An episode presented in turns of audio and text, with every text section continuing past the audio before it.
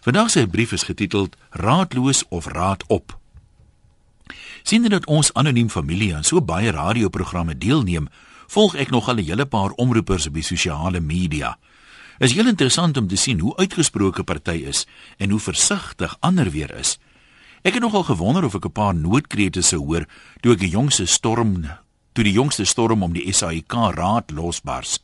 Ek bedoel, gestel jy werk by enige plek en jou direksie van 12 lede begin stelselmatig bedank tot daar een oggend net 3 oor is en voormiddagete bedank nog 2 van daai 3. Sou jy nie begin wonder het oor jou toekoms by die instansie as die topbraas nie eers daar wil wees nie? Maar dit lyk nie of die RSG omroepers veel pla nie. Humor was nog altyd 'n volkswapen om moeilike tye te help tem en by die SAIK is dit geen uitsondering nie. So hoor ek dan word in die gange gevra wat is die ooreenkomste tussen die Titanic en die SAIK? Blykbaar het die Titanic darme orkes aan boord gehad het om die mense op te beur. Nou wat is nou eintlik die verskil tussen 'n komitee en 'n raad? Is dit nie wesentlik maar dieselfde ding nie? Dalk was dit net toevallig, maar gister se muiswys wat na die definisie van 'n komitee verwys het, kon seker maar op die meeste rade ook van toepassing gewees het. 'n Groep onwilliges gekies uit die onbekwames om die onnodige te doen. Dit laat 'n mens natuurlik wonder wat so 'n raad nou eintlik veronderstel is om te doen.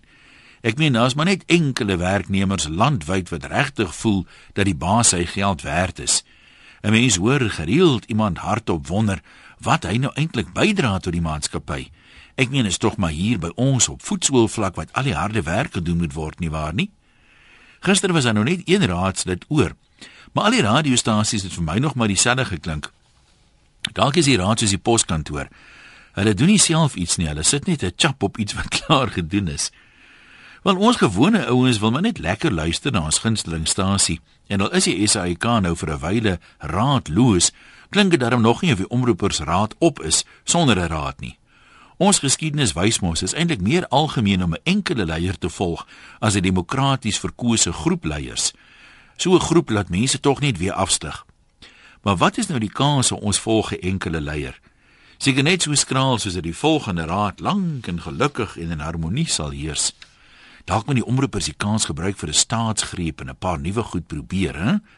Is dit nou nie hulle wat al ons slim voorstelle wat nooit geïmplementeer word nie, eers te sien nie? Kom nou kerels, wat sê julle? Oi, anoniem.